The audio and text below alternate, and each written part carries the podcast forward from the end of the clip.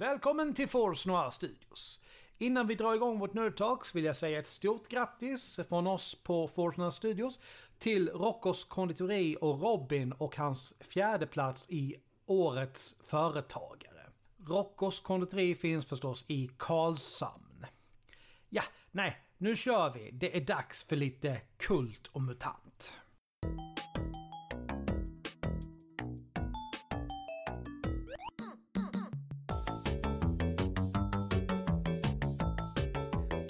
Välkomna till Force Noir Studios och ett nytt Nerd Talks. Idag sitter jag och Alucard här med några som är väldigt privata, men samtidigt så känner de flesta rollspelare nog igen namnen, skulle jag säga. De är, eh, har gamla synder i bagaget som Kult, MUTANT 1 och 2 och det är främst dem spelen vi kommer att prata om idag. Välkomna till Nerd Talks, Mikael, Gunilla. Tack, tack. Tackar, tackar. Roligt att vara här. Ja. Tackar. Kul att ha er här. Hur är det med dig då, Alucard? Det är bara fint, tack. Men då, vad vill ni att eh, folk som lyssnar ska, ska veta om er innan vi drar igång frågorna som vi har förberett? Vi är två nördar som har bott ihop sedan 1983. Samma år som vi började göra rollspel ihop.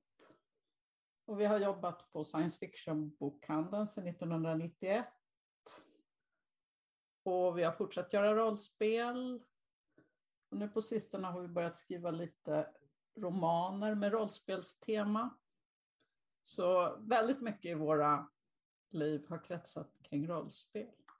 Vi spelar fortfarande rollspel en gång i veckan med en spelgrupp som vi har spelat tillsammans med i 20-25 år. Ja. Wow. Det är bra jobbat. Ja, verkligen. Det är svårt just- att hålla ihop spelgrupper i ett år ens en gång. ja, jo tack. Det, gäller att vårda dem ömt. Ja, Ja, folks de prioriteringar. Eller så. Det, Ja.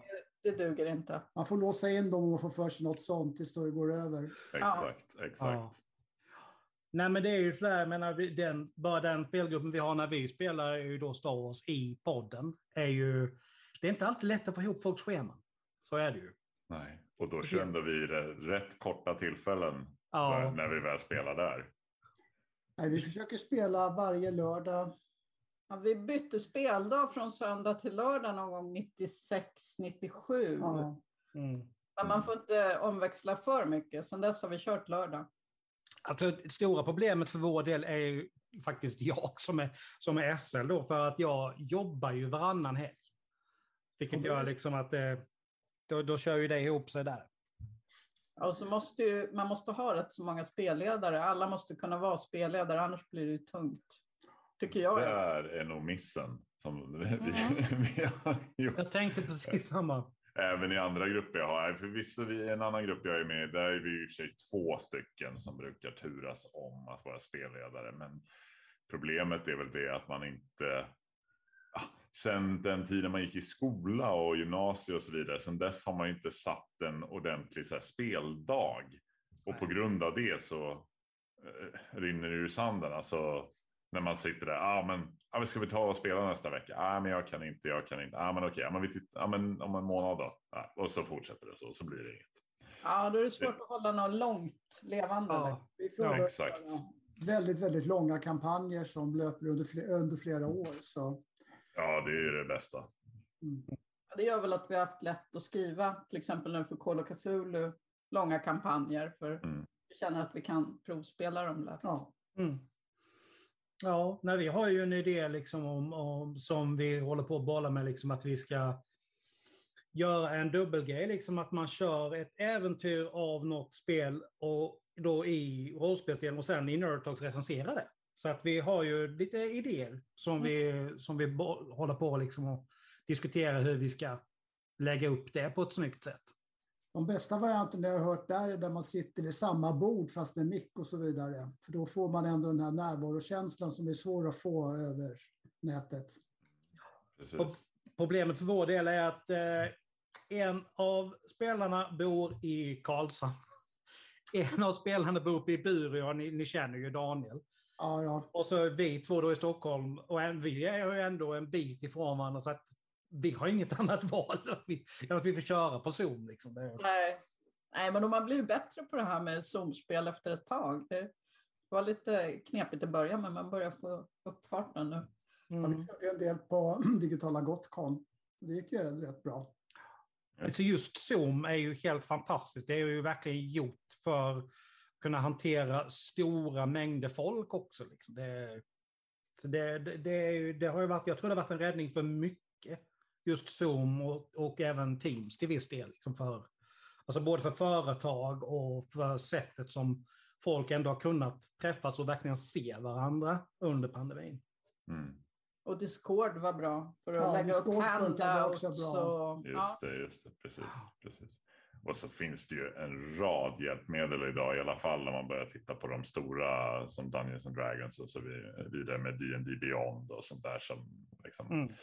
Hjälper till att hålla reda på allt digitalt. Även. Det är en hel värld liksom av Ja. Jo, där är det ju snarare svårt att välja vilket av dem man ska använda. Ja.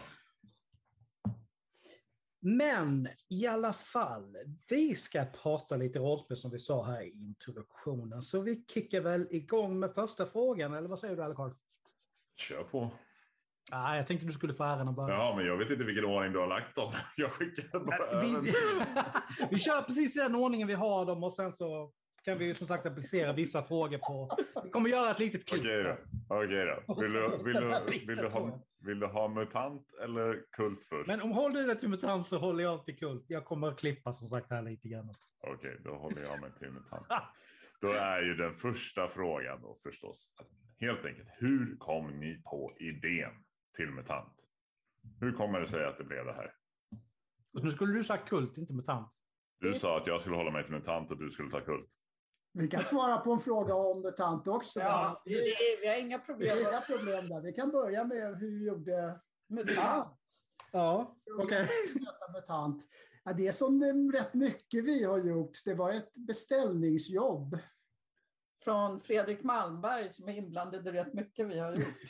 Fredrik är en gammal vän till oss och vi har gjort väldigt, väldigt mycket åt honom. Men det hela började med att jag hängde rätt mycket på tradition i 80-talets början. Och eh, kom och slog mig i slang med folk där, bland annat Fredrik, och pratade rätt mycket om Gamma World, TSRs gamla fina, rätt humoristiska efter katastrofen-spel. Som vi spelade rätt så mycket 1981-82. Ja. Och han frågade efter ett tag om jag kunde tänka mig, om vi kunde tänka oss att göra ett svenskt Gamma World. Mm. Glada i hågen sade vi, ja visst kan vi det. Innan vi gick hem och försökte fundera på hur fan gör vi det här då? Och så funderade vi lite hit och dit och av någon anledning så var vi båda lite influerade av den tecknade serien Kamandi som inga unga människor har hört talas om. Men det är en Nej. serie som En tecknad serie av Jack Kirby. Ja, Ja, ja, ja, men Jack Kirby känner vi ju igen. Det får man ju skämmas annars. ung man som dyker upp, vaknar upp efter katastrofen, eller inte vaknar upp, han har överlevt i en bunker tillsammans med sin farfar, morfar, en äldre herre, jag kommer inte ihåg vad, och eh, ramlar ut när fader, morfadern, farfadern, släktingen, den gamla herren dör och ramlar ut i en värld efter katastrofen fylld av, guess what, muterade djur som lever i stammar och har händer istället för framtassar. Och av någon anledning så kände vi, vi kände att vi ville göra något lite mer fabel barninriktat än vad Gamma World var. För det kändes väldigt amerikanskt. Och ja, Kamandi hoppade upp och bet oss i näsan för vi hade läst den båda två. Vi tyckte om den, vi gillade Kirby, Mm. vi läste Den ma- gillar inte Kirby. vi, gill, vi läste mycket serier. Ja. Så vi hämtade rätt mycket inspiration därifrån tror jag. Mm. Och så tittade vi naturligtvis på Gamma World, det som då det Fredrik hade. Och också en del andra rollspel som, vad hette det här med flödesschemat? Aftermath. Aftermath, pilboxmodellen, Dog Eat Dog. Det var verkligen så här, ni är nakna, ni är hungriga, ni dödar varandra för en burk Rutten hundmat. rutten hundmat. Och vi tänkte att ja, men det där känns ju inte så mycket Astrid Lindgren, liksom. det kan vi ju inte ha. Vi måste ha något lite mer svenskt. Så efter ett antal omarbetningar och input från andra, rätt mycket från Nisse Gulliksson faktiskt med hans underbara teckningar på muterade djur och andra saker, så blev det det MUTANT 1, det första MUTANT som vi gjorde. Jag kommer ihåg när vi valde omslagsbilden så hade man då en låda med diabilder ifrån en agency i Spanien, tror jag det var, eller möjligtvis Italien. Så man fick sitta och titta på, Åh, den här ser inte bra ut. Åh, den här då, jag vet inte, det är en naken kvinna på omslaget, nej den tar vi inte. Till slut tittade vi då när den ikoniska bilden med mannen med järnröret framför eh, Parabolantenn. parabolantennen. Ja. Så i grunden gick det hela till, får man nog säga. Ja, Men hur lång tid tog det någonstans då från att ni satte er ner och började skriva till att det faktiskt fanns en färdig produkt? Ett år kanske. ja, ett drygt år. Vi Ett provspelar ju en del. Och vår spelgrupp i Södertälje då, jag bodde i Södertälje, Micke bodde i Tumba, vi spelade i Södertälje. De var ju, här- gav mycket input. En klasskompis till mig som heter Karin och Karin Fredriksson som Ja. sen skrev eh, Järnring. Järnringen. Ja, ja, ja. Jaha. Och det var flera som gav input till det här. Ja. Också det- några ur den, som Martin som vi spelar med nu i Södertälje. Han, Ja. är- han är kvar i vår spelgrupp. Han har varit med ända från... Början. ja. Alltså jag bara blir så här, liksom, slås återigen av hur liten världen är. Jag bodde ju i Tuna i, i ett par år, precis när jag flyttade upp till Stockholm. Ja, Som ligger ju precis utanför Tumba för de som inte vet vad det Alltså det var... Så, ja, nej, det är, världen är liten. Jag måste ändå säga att jag, jag är faktiskt förvånad när ni säger ett år. Det, Ja. Jag skulle gissat att det hade tagit längre tid nämligen. Mm. Eh, ja. Nej, ungefär ett år. jag tror att Ja. det tog ungefär ett år. ja, Ja. Mm. jag tror det. Hur lång tid tog, gick det sen innan MUTANT 2-arbetet drog igång? Det var väl kanske två... Två till tre år senare va? Ja, efter att det första kom ut. Och det var inte vi jätteinblandade i. Där var Anders Blixt mer inblandad. För vi jobbade ju inte på tradition. Vi var ju frilans. Eller äventyrsspel. Vi var ju frilans så att säga. Och de ville Mm. väl göra någonting som var lite mera realistiskt fnutt fnutt och lite mindre fabellikt. För vad handen på hjärtat, ursprungligen MUTANT är rätt mycket en fabel. Ja. Mm. Och rätt corny Mm. skulle jag säga. Det, det har fler corny element kanske än de senare. Alltså de elementen lever ju fortfarande kvar idag liksom i, eh, i år noll. Som jag har ju det själv och har läst mycket. Det, det, den biten finns ju definitivt kvar i, i, idag fortfarande. Får inte glömma undergångens arvtagare däremellan. Just det. De var också en underbar version. Pilsnerfilmsbörs. Pilsner. Rusade älgar som brölar fram på Hindenburgs gator. Mm. Ja, det är fint. Det är fint.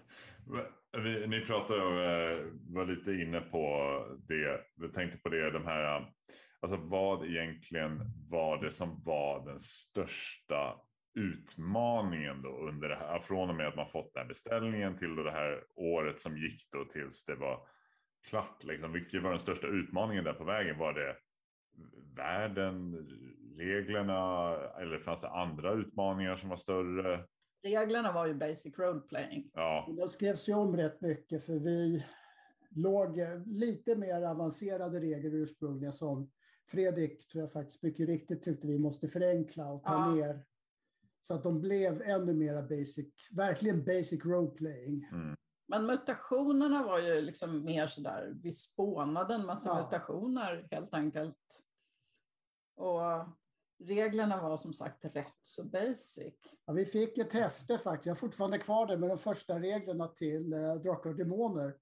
Som står i bokhyllan här någonstans. Liten raritet. Som vi fick av Fredrik när han tyckte att vi skulle veta vad de här reglerna gick ut på. Alltså nu är jag så avundsjuk så jag blir snart grön. Alltså Jesus. Ja, Men var det någonting sånt som ni kände att ni, så här, det här fastnade ni på? Liksom, något som ni tragglade med länge för att ta sig igenom? Alltså det här var ju ingen stor grej då. Det, Nej. vi, kände, det var ju, vi var de enda vi kände som spelade rollspel nästan. nästan. Och det var en väldigt liten hobby, så vi var ju bara så här, ja men det här är väl kul, det blir som det Ja. blir. Det var inte så, ingen tog det så allvarligt. Vi slet lite faktiskt, om jag inte minns fel, med fyndtabellen. Ja, för att få den lite... För att få den enklare än de vansinniga tre fyndtabellerna som fanns i, i Gamma World beroende på hur komplext föremålet var.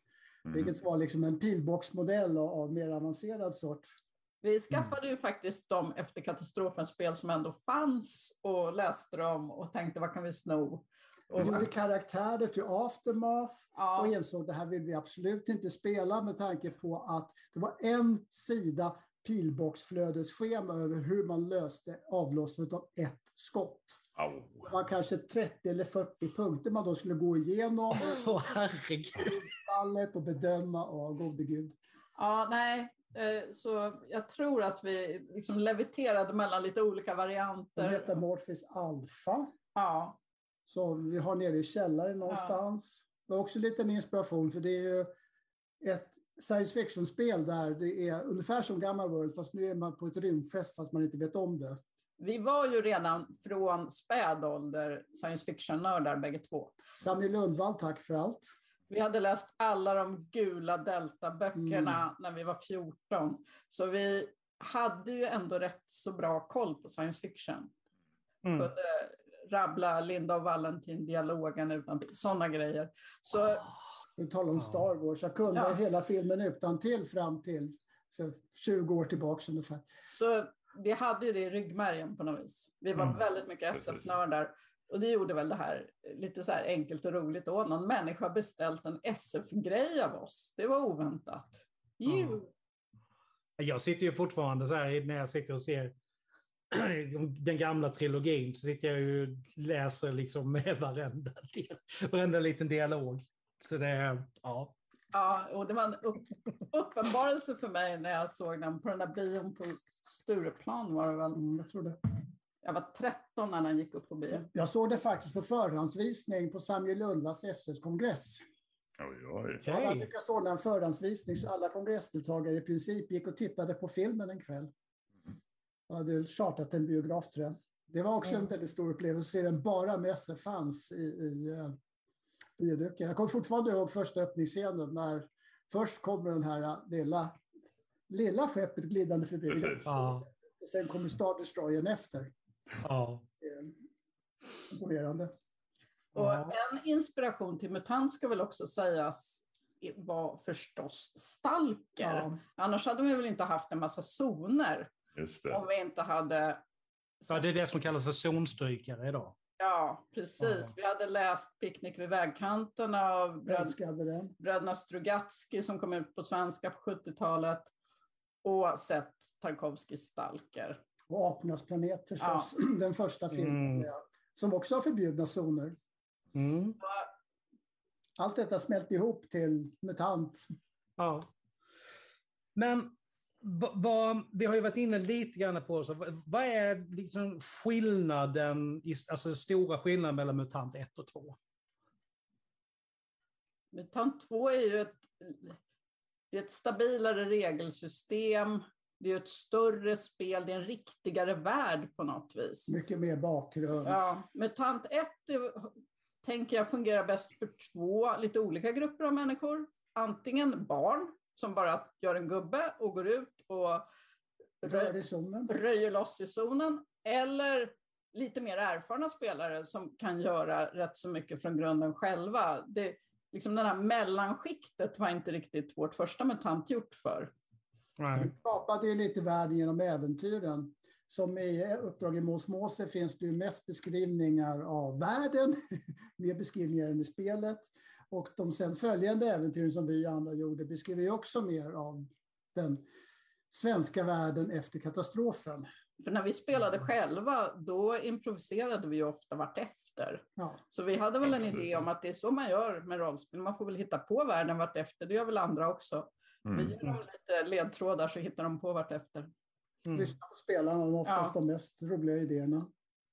Ja, men någonstans är det väl så här liksom att, att när man inser liksom att utan fansen eller de som lyssnar eller tittar, vad det nu än är, så är man ju ingenting. Och då är man, ju- har man ju nästan en skyldighet att lyssna till den kritiken man får att, eh, och försöka göra något, något vettigt av den.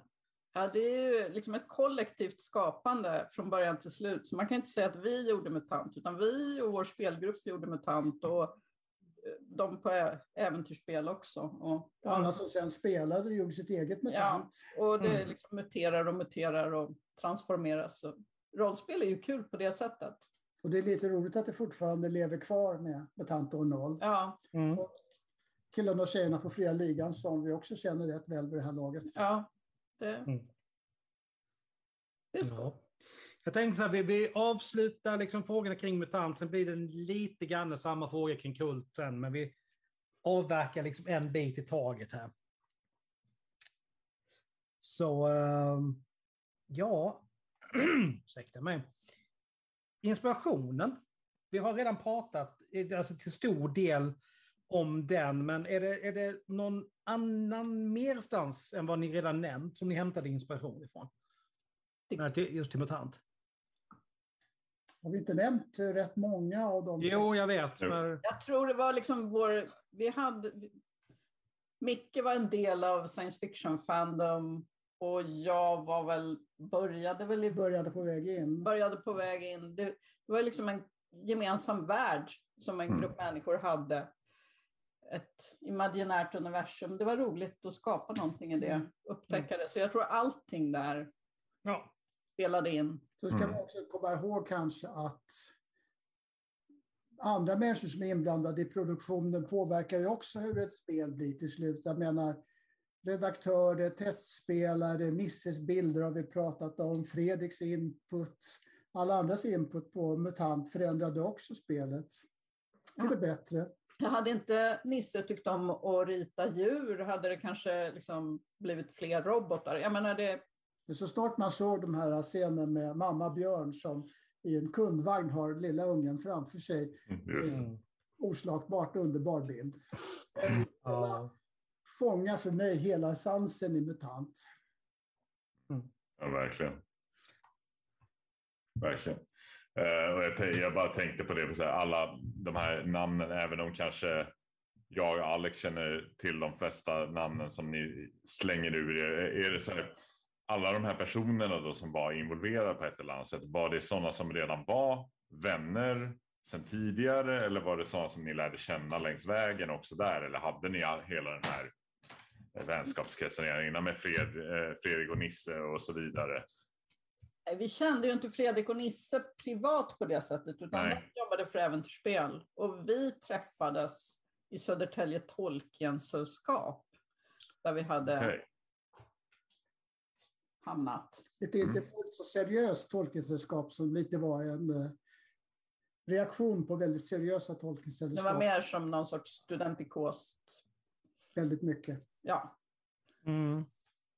Ja, det, är det, nå- det kan man var ju... ju en vän till oss. Det var väl hon som var mest...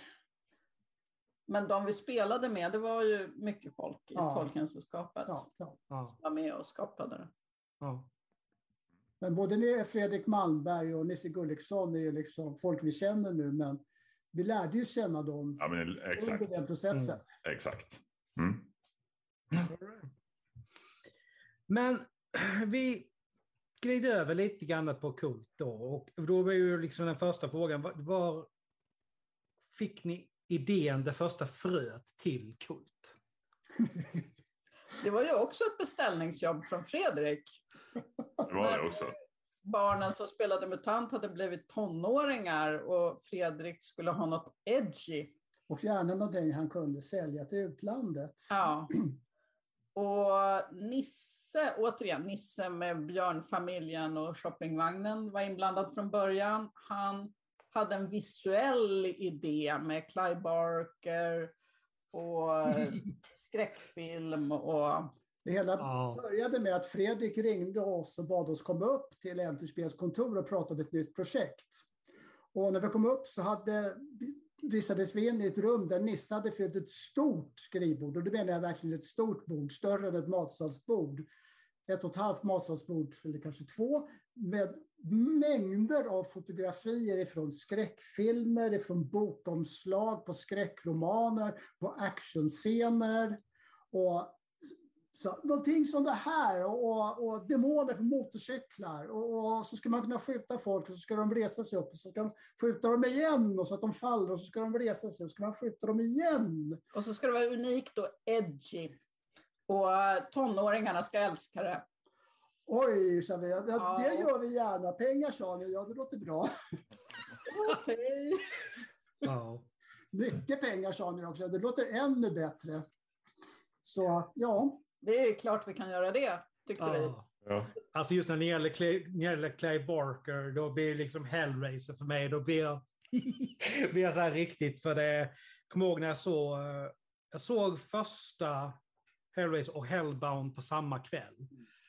Och jag var ju någonstans mitt emellan, så något djävulusiskt chockad och samtidigt helt giddy, liksom satt liksom nästan och, och, och fnittrade över det här. Alltså, det, det, det hade ju inte funnits någonting liknande innan Hellraiser. Liksom. Det, Det var lite som Star Wars, liksom, när de här skräckfilmerna kom. Men sen visst, det fanns ju Giallo och den italienska skräckvågen innan. Knivoperan är ju egentligen tidigare. Ja, så visst, det kom ju inte från ingenstans, men att det parades ihop med en sorts lite så här engelsk eh, vardagsfilm, det, det var lite ovanligt på Ja. något vis. mm.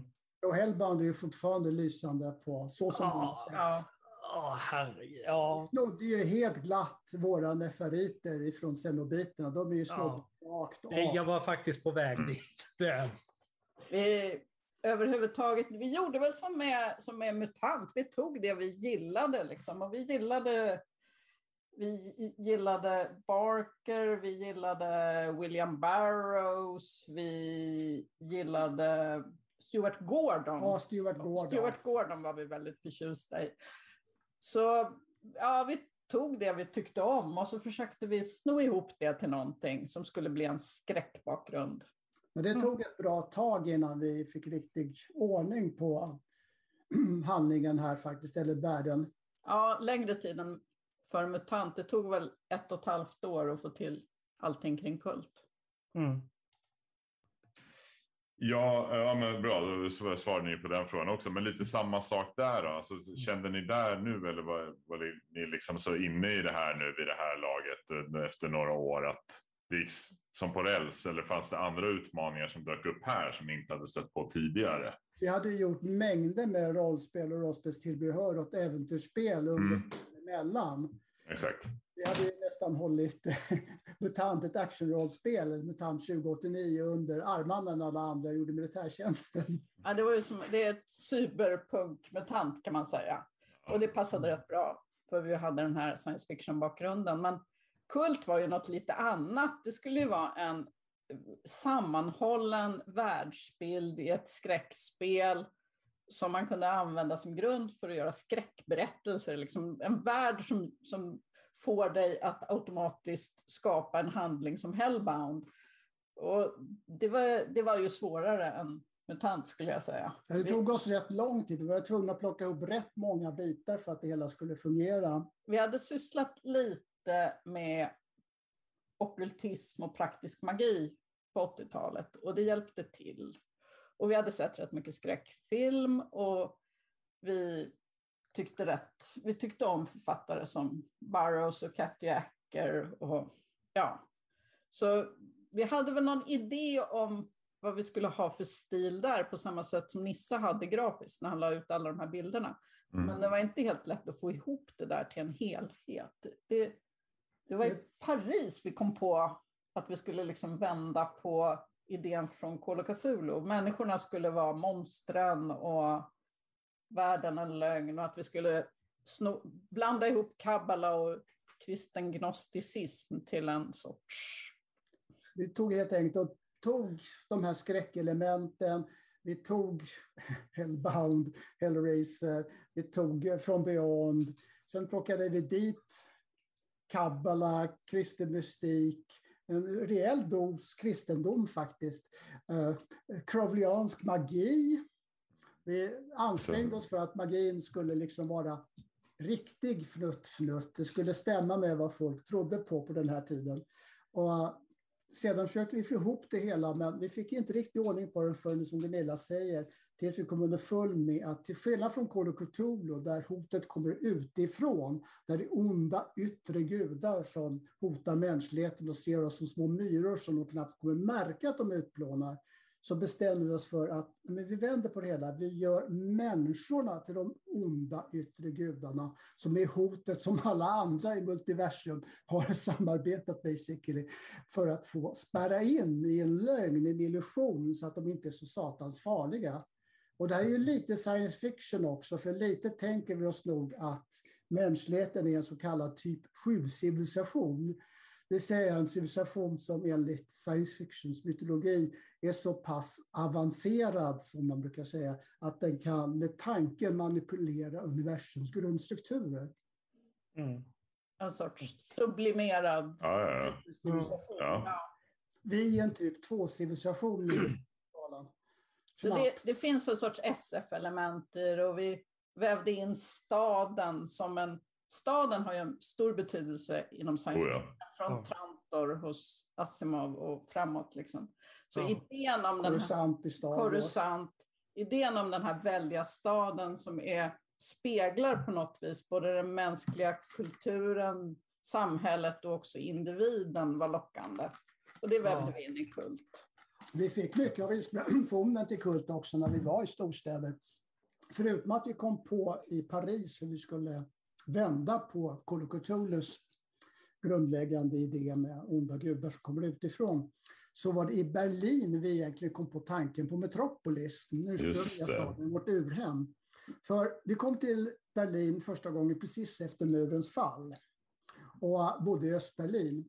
Och då var det som så att du kunde gå på en gata i Berlin och helt plötsligt stod gatan slut därför att någon hade byggt ett hus rakt över gatan eller en mur eller det mm. fanns en ruin man inte kunde ta sig igenom. Muren stod ju kvar till rätt stor del fortfarande så att det är fortfarande blockerat här och där. Det fanns det, platser man kunde gå igenom på. Och det här att man, de inte hade rustat upp till exempel Prenzlauer berg på den tiden, så det var ju helt superförfallet. Det var ruinhög Jämför, och så gick du 20 minuter så du kom över på västsidan, då var det plötsligt upprustat. Så den bilden liksom på näthinnan. På ena sidan en ruinstad, mer eller mindre, och på andra sidan stål och glas och, och, och kommersialism, kommersialism och, och neonfilter och, och massor med människor det kopplade väl lite också till det vi hade tänkt med MUTANT när vi använde oss av den här förbjudna zonen. För det är faktiskt så att bröderna Strugatskis Picknick vid vägkanten, som var inspirationskälla till zonen, mm. den är nog bitvis inspirerad av Berlin som delad mm. stad. Så det finns en sorts återkoppling där. Återkoppling där. Mm. Alltså jag kommer ihåg, jag har ju bara spelat Kult liksom ett tillfälle. Men just det här som ni säger, liksom att det var så många olika delar. Jag kommer ihåg liksom att jag kände liksom att ja, men magin känns ju, även ifall den är väldigt omvärderad, nästan som den hämtad lite grann från drakar och demoner till viss, till viss del. Och sen hade du verkligen science fiction-element. Jag kunde se delar av Linda Valentin, samtidigt kunde jag se lite Star Wars, lite Star Trek också. Alltså det, den är, det, det är väldigt, eh, kult är väldigt komplicerat på det viset. Liksom, att det är, jag kunde ju alltså redan då, vad var jag då, 17 kanske, se liksom, tyckte jag då, tydliga influenser från massa olika håll, så det är ganska kul att höra att ni säger liksom just det att eh, vilken version av Kult var det du spelade? Ettan eller tvåan? Åh oh, herregud, det är en bra fråga. Ettan är en box. Alltså jag kommer inte ihåg, för det, det, det, var inte jag som hade det, utan det var ju spelledaren, vad han nu hette. Det här är ju, alltså, det är ju så många år sedan, det var ju fortfarande när jag bodde i Karlshamn. Jag var ju, det var ju tio år innan jag flyttade därifrån. Liksom, jag minns vad lite vi minns av när vi skrev det, så vi hittar ju bara på det här. Alltså, och så för, mig, för mig är det ju som jag har berättat tidigare, liksom, jag har ju fortfarande inte lyckats spela Kult ens en gång. Och, och när, jag, när Kult släpptes, vad, vad blev det, 91? Ja, Något 91. sånt. Ja, alltså vad var jag då? 10? Liksom. Ja. Det var ingenting för mig och, och jag hade väl inte riktigt kommit igång med rollspel då heller. Men säg så här, men när jag var 12 kanske då. Men då var ju fortfarande kult. Det var ju någon så här, nej, men det, det, det, där är ju vuxet innehåll liksom. Det är ju inte riktigt där. Jag, jag får ju vänta några år innan jag kan börja spela, börja spela det här. Så det ju alltid något. Spela kult, tror jag. 14 Vad sa du? Man ska vara 14 för att spela kort. Ja, ja men precis, Mm. precis. Eh, exakt, så det var ju, jag var inte riktigt där än och sen kom det väl massa annat emellan så började vi, och sen började vi ju spela väldigt, väldigt mycket fantasy, väldigt mycket high fantasy, så det var ju liksom inte på tapeten ens då. Sen när jag väl fick lägga vantarna på kult i någon form, då, då fanns det ingen att spela med längre. Så jag har ju bara läst igenom alla böckerna för jag tycker ju självklart, alltså jag älskar ju den, den världen liksom och, och ja men världen, mystiken, eh, varelserna, magin, allting liksom. Det, är det, jag tycker ju det fortfarande idag är väldigt häftigt, men som, som sagt, fortfarande inte blivit något spel av, men äh, läst alla böckerna i alla fall.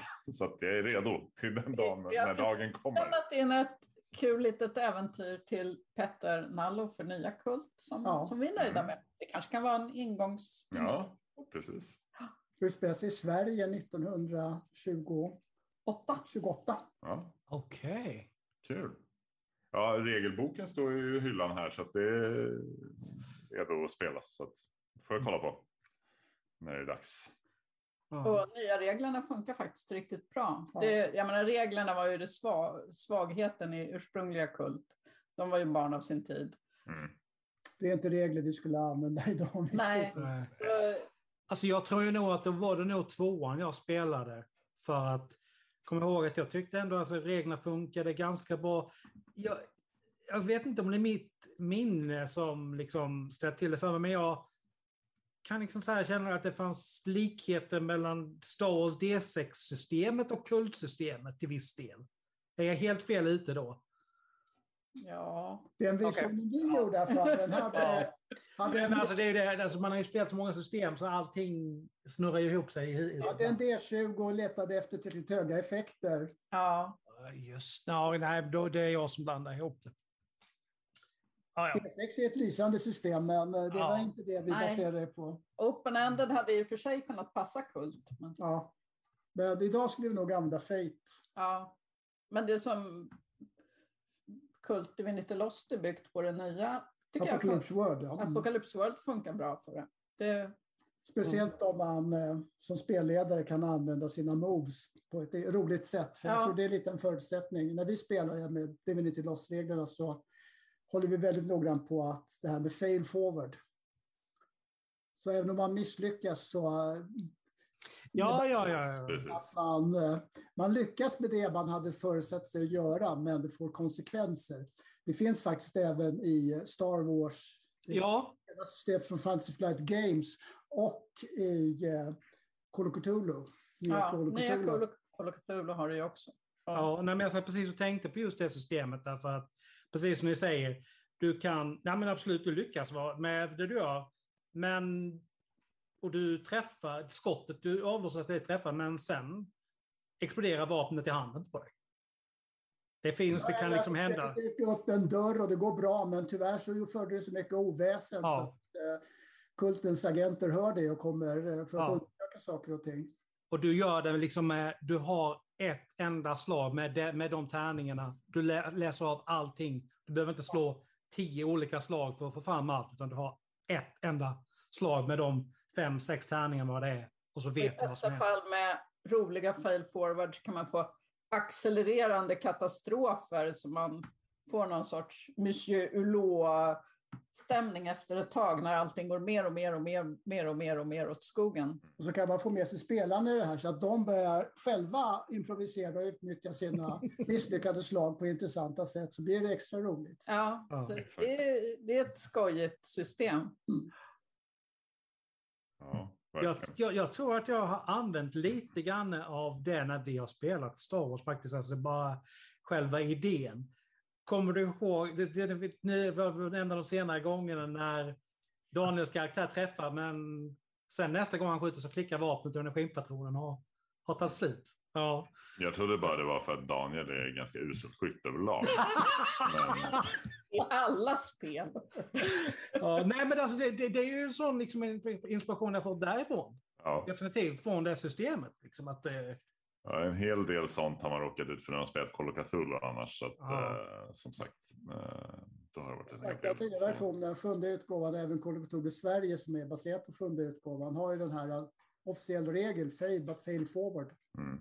Det är inget kul om man misslyckas, utan det roliga är om det Nej, nej, nej. lyckas, men inga konsekvenser beroende på hur pass Mm. man har misslyckats. Exakt, exakt så. alltså, någonstans är ju det egentligen en ordentlig vidareutveckling på ett fummelslag ju egentligen. Ja, Mm. fast öppna för mer rollspel och som vi sa tidigare, extra roligt om spelarna Mm. själva kan börja spela med det. Mm. Ja, nej, men det, det, det, det, fin- det, det, vet jag att du gör väldigt mycket när vi spelar, eh, och nu försvinner namnet i huvudet på mig, ja, ehm, ur Vasselklotet. Ja, ur varselklotet ja. Att du Mm. liksom verkligen försöker, eh, Yes. och jag älskar, jag älskar ju någonstans verkligen att, att bli mina rollpersoner, vilket gör liksom att jag och Alec har sån här diskussion liksom när han då blir min karaktärs mamma. Och det, alltså det, samtidigt är det så svårt att sitta och låta bli att skratta när man liksom någonstans försöker hitta ett lite ljusare läge och kanske bryta lite grann. Eh, och sen försöka ha någonstans en ganska realistisk liksom, diskussion. Ja, men varför var du inte hemma i tid för middagen? Ja, eh, man kan ju inte säga, han kan ju inte säga då liksom, nej men jag har varit ute och äventyrat med mina kompisar. Utan, Det vet Ja. de vuxna inte om vad det är för någonting. så, så, alltså, så det, ja, nej. Det... ja. Men- Eh, Jag, Ja, när jag- kör du? Ja, men, men bra, bra. Nej, men jag, jag tänkte den eh, eh, ultimata frågan här. Den svår, en av de svåraste kanske. Vad är ni? Vilket av era alster är ni mest nöjda med? Så här dagsläget. Egentligen då för kanske för, skulle säga mellan mutant och kultur som det är det vi har pratat mest om. Men sen så här, finns det något annat alster som är ännu mer nöjda med? olika, så det är väldigt svårt att säga att vi... Och någonting man gjorde för 40 år sedan är ju på något sätt, det är ju som, nästan som inkapslat i bärnsten eller något. Det är svårt att säga vad man tycker om det. Det bara är vad det är på något vis. Ja, ja. Lite är det så. Ja. Men i grunden så, jag var väldigt nöjd med eh, Mörkrets legioner till Kult. Så jag tyckte vi vidgade Kult. Och Mm. de två magiböckerna till Kult som bara kom ut i USA. Som vidgade det ursprungliga magisystemet väldigt mycket. Okej. De fem grundläggande magiskolorna. Och Fallna änglar, Mm. äventyren i New York till Kult var jag nöjd med. De blev bra. De vidgade det också lite grann. Mm. Sen är vi väldigt nöjda med det kultanstryket också med de kultromaner vi har skrivit. Ja, just det. Bara början och Det levande döda. Just det. Precis på förhandlar om avtalet för bok tre nu för övrigt. Spännande. Ah, vad kul! Och vi är faktiskt också, det hör inte till det här, men vi är rätt så nöjda med Call of Cthulhu-kampanjen vi skrev häromåret. Ja, Tjurmannen, jag på att säga. Tjurmannen från Kungsfärd. Okej. Det är lättare att vara nöjd med något man har gjort nyligen tror jag. Det är Ja, men, jo, men det är ju klart. tycker- Det, ja, Vad tycker jag om någonting jag gjorde när jag var 21? ja. Och Det är Nej. Det är svårt. Och det är svårt. Och kultäventyret som vi pratade om tidigare till Petter Nallo, till nya kultäventyret till Lost. En ond man i Vasastan är vi också väldigt nöjda med. Man är oftast väldigt nöjd med det senaste man har gjort. Eller Mm. i alla fall Bland det senaste. bland det senaste. Mm. Ja, En ond man i Vasastan, det låter ju också intressant. Den har jag inte heller kollat. Jag är ju född och uppvuxen i Vasastan. Så att det, Okej, ja. alltså, det, det, inte, jag vill inte vara oförskämd på något sätt, men för mig låter det nästan som namnet på en Beck-film. ja, det- lite så. Du avslöjar oss. Ingvar Edvall är med på en balkong. Ja. Hornstull. Det visar sig tyvärr då att Hedvall är Paris. Ja. Han är där för, egentligen är ju Beck i helvetet och straffas i sitt privata inferno. Och, Ja. Det är så Ja, alltså. Det är ju Allan Hirdwall då. Så, att, ja. Ja. Ingvar Hirdwall. Så att, ja. Här blev det helt plötsligt mer, mer intressant med Beck. Ja. Men alltså det är någonting, ba- bara för att eh, liksom, nu hoppar jag tillbaka lite grann till Hellraiser där. De filmerna har ju verkligen gått lite upp och ner så här över åren. Men en film som jag Upp tycker... och ner, bara ner tänker jag. Nej, Nej, alltså- är lite sämre än tvåan. Jag Tvåan gillar är- ettan. Ja, den är Ja, också Ja. bra. Ettan och tvåan är bra och alla andra är kass. Ja, det får man nog säga. ja, jag kan inte hålla med riktigt där. För att jag är så här, jag kommer tre, eh, trean, nja. Men fjärde, den som jag, det som jag tyckte den gjorde så bra var just att du får se var asken skapas någonstans från första gången. Och att du har liksom en röd tråd med den här blodslinjen genom, den biten gillade jag. Och nu, det här jag var på väg till, just femman med Inferno, det är hans privata helvete som man verkligen får se. Det någonstans byggde ut den världen så jättemycket för min del när man verkligen greppade det. Liksom att, nej, men varje person hamnar i sitt eget privata helvete. Den Mm. tanken hade vi till Kult också innan vi hade sett den här filmen. Ja, Så det är, alla inferno, man hamnar i inferno får ha, drabbas med sina egna personliga plågoandar. Och det är en själv som har valt hur man plågas. Och Vi plågar oss själva. Vi Men det är ju en klassiker på något vis. Mm. Det, ja. Men den biten leker, det finns ju verkligen kvar idag om man tittar på exempelvis på Lucifer som Netflix tog över. Där är det ju verkligen så att det är var och ens privata helvete. Men egentligen så plågar de ju sig själva för det är deras egen oförmåga att komma över de saker de har gjort fel i livet som plågar dem. mm. ja, det är Det är väl väldigt från intressant. serien också som ju faktiskt föddes ungefär samtidigt, ja lite senare än ja, det är lite senare. Hellraiser, men inte så mycket senare. Serien är ju rätt Precis. gammal också. Ja, nej, det, det finns väldigt mycket. Jag har ju precis lyssnat igenom eh, Sandman, akt 1 och 2 på Audible. Och där är ju Lucifer med och hela den biten. Jag ska inte avslöja någonting, men det, jag kan ju bara säga så här till folk. Har ni ändå Audible, lyssna. Har ni funderat på att skaffa Audible så har ni två lysande exempel till varför inte. Och jag älskar ju den biten just när eh, Morpheus då alltså åker ner till helvetet och det som då händer där när Lucifer överraskar honom något så fruktansvärt. Och jag säger bara det här, det leder ju någonstans ganska perfekt in i vad serien handlar om när han är i LA och, ska, och har startat en klubb. Mm. Mm. Och man blir så här, ha, alltså hur pass mycket research gjorde verkligen teamet som gjort serien? För de har ju liksom slagit huvudet på spiken på så mycket.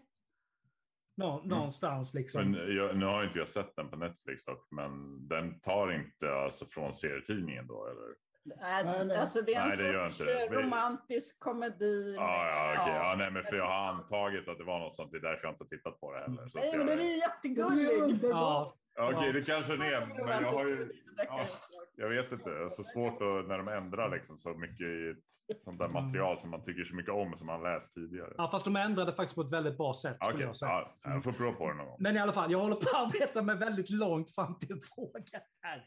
Eh, om man tittar på hur de, hur de liksom har byggt upp det visuella av helvetet. Hur mycket skulle ni säga att ni kan se, finns det några likheter där i, i kult om man säger så, liksom hur, hur ni såg eh, liksom världen och helvetet och stora sta, staden och så vidare? Det beror lite på hur mycket vi kan avslöja här egentligen. Men, Men om man tänker sig lite så har ju helvetet i tv-serien Lucifer har ju lite drag av expressionistisk film kan man säga. Och det är väl någonting som lite finns i kult också. Att, eh, jag menar, det, är, det är mycket inspiration från film och det är bitvis inspiration från expressionismen. och man får kanske lite fråga sig, utan att nu kan vi inte avslöja för mycket, för nu är vi inne på saker och ting som vi kommer att skriva om. Men man kan Aha, fråga okej. sig eh, vilken roll, var, var ligger helvetet egentligen? Var ligger Inferno? Och vad är Och Inferno? vad är Inferno? Mm.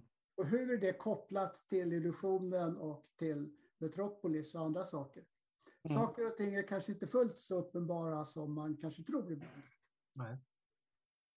Läs vår tredje bok så får du reda på mer. Ja, Yes. jo, ehm, Shameless. Self- Shameless! nej, nej, nej, det är bara till att köra på. Det är Ja, ja, verkligen. Mm.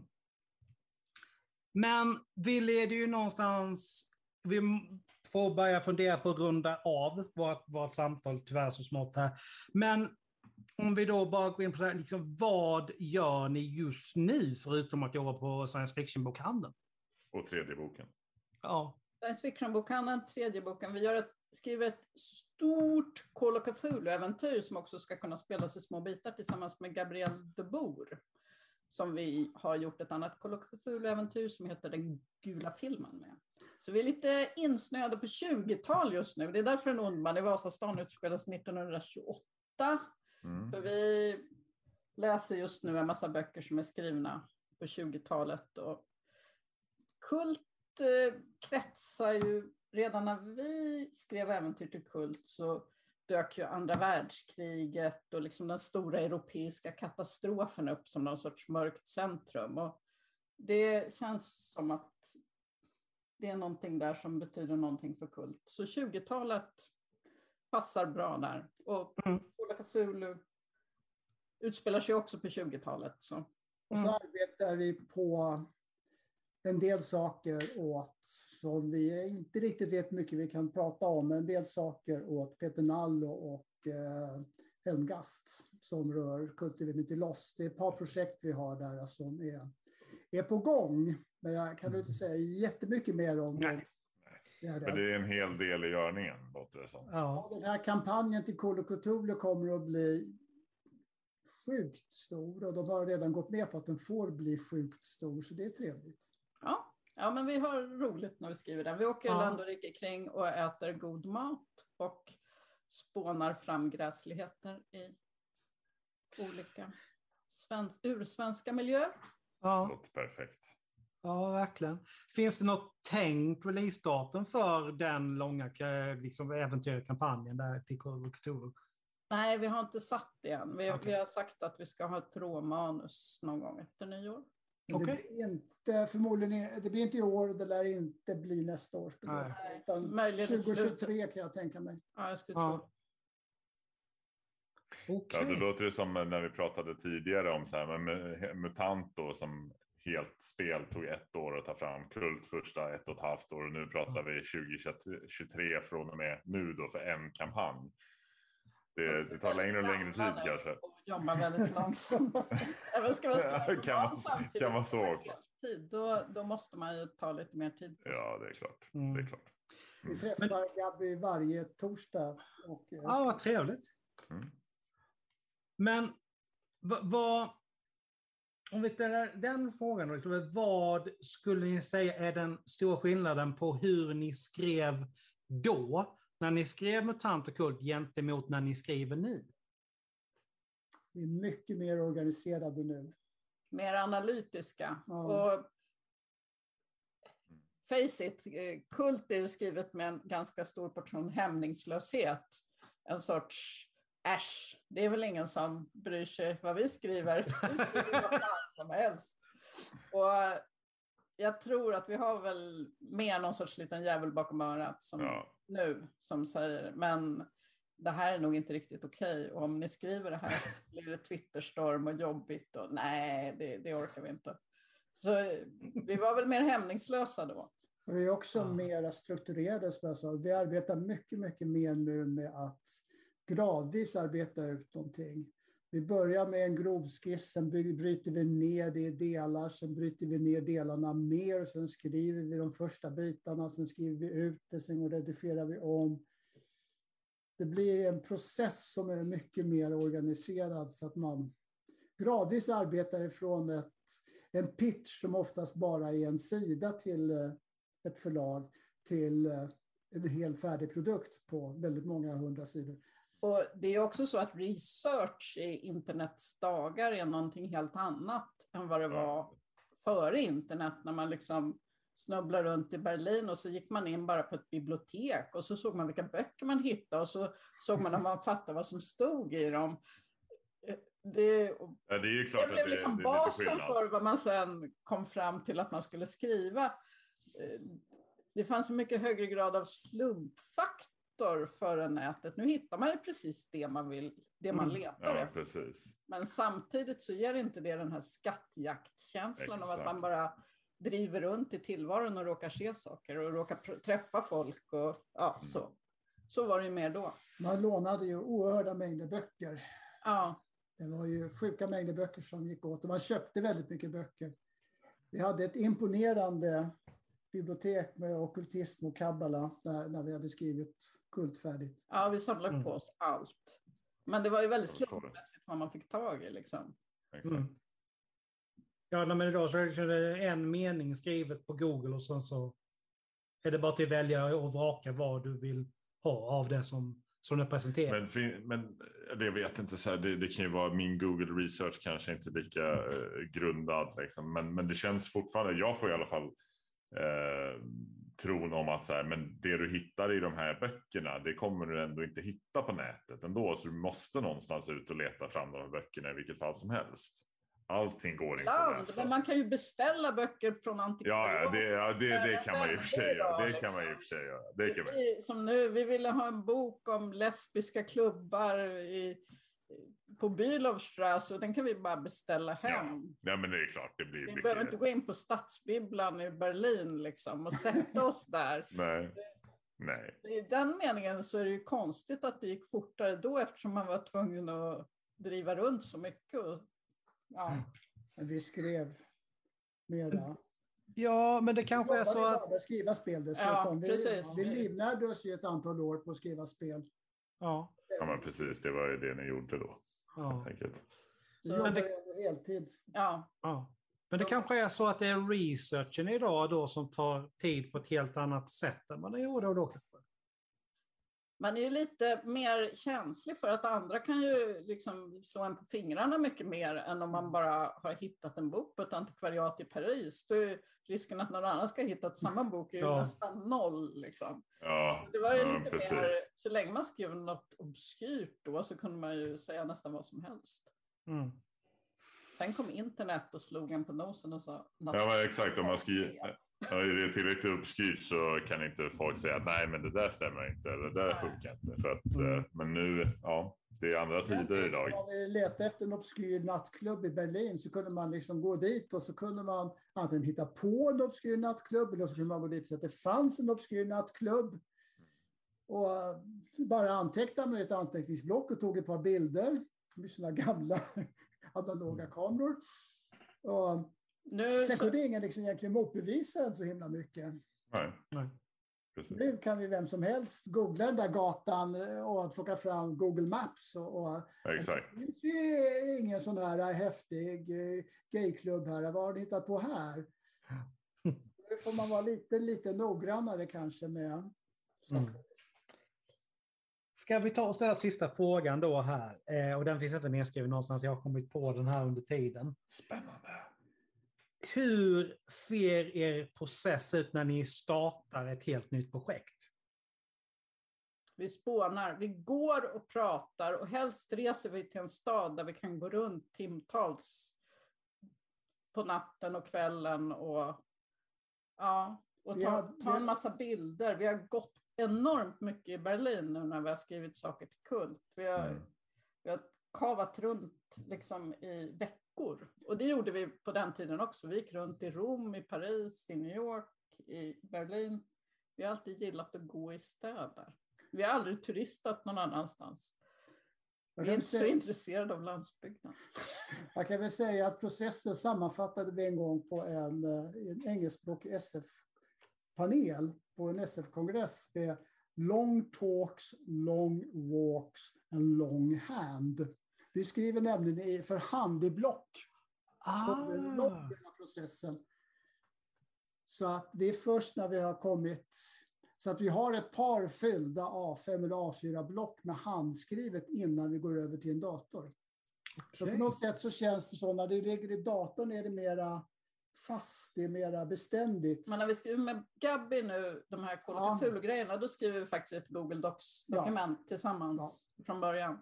Men annars så tenderar vi till att Först har man en idé, en pitch som då säljer in till någon i allmänhet och sedan så gör vi gradvis längre och längre utkast och sedan så tar vi långa promenader.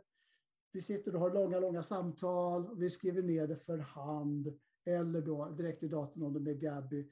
Men även med Gabby så gäller långa samtal, umgås mycket, skratta mycket över matsalsbordet. Det är, och lång, en hel del resor med Gabby också. Snacka fram det liksom. Ja, Prata, prata, prata. Det är viktigt. Det låter ju fantastiskt. Rollspel är ju snack liksom. Ja, ja, exakt. Det är, snack, det är ju, romaner innehåller rätt mycket dialog. ja, ro- en roman är ju också Oh, ja. någonting du ska kunna läsa upp för någon. Det, I allmänhet har den också en sån kvalitet. Så, I alla fall Mm. för oss. Och man hör hur dialog Ja. låter först när man verkligen säger den högt gång på gång. Stort tack för att ni ville vara med oss i det här avsnittet. Verkligen. Tack för att ni ville ha oss här. Ja, tackar. Ja. Det var trevligt. Ja, Ja, man var... blir inspirerad. ja, verkligen. Sugen på att ta lite long walks and long talks. Det är en bra fundera ut grejer. Ja, Mm. kanske det vi ska göra. Ja, Ett sista tips är kanske att det här är mycket, mycket mer jobb än vad folk tror. ja. Ja, ja, men, ja, men så är det ju alltid. Som Ja. går att sätta sig ner och på ett par timmar komma på en kommersiellt fungerande produkt. Vi pratar om månader. Ja, oh. Ja. Herregud, ja, men jag vet bara folk som pratar om ibland att så här, men jag har bestämt mig att jag ska skriva en barnbok. Och man bara, men vänta, bara den saken. Hur lång Mm. tid tror ni att det kommer ta? Ja. Till er som har lyssnat så hoppas jag att det här har underhållit er så mycket som möjligt. Vi återkommer med ett nytt Nerd Talks om en månad och då är vi inne på det sista för året. Tills dess så får ni ha det så bra, så hörs vi då. Hej då! Tack för att ni lyssnade.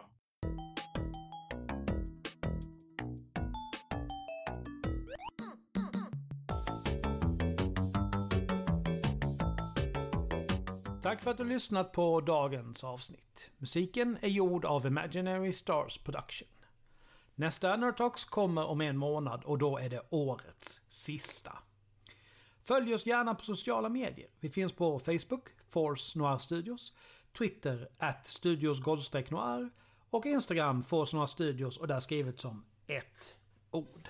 Vi har även en mail där ni kan nå oss, forcenoirstudios at gmail.com och där Force skrivet som ett ord. Vi skulle uppskatta om du kunde likea våra inlägg på Twitter, Instagram och Facebook. Det hjälper oss oerhört mycket i det vi gör. Ta hand om er så hörs vi snart igen. Stay tuned.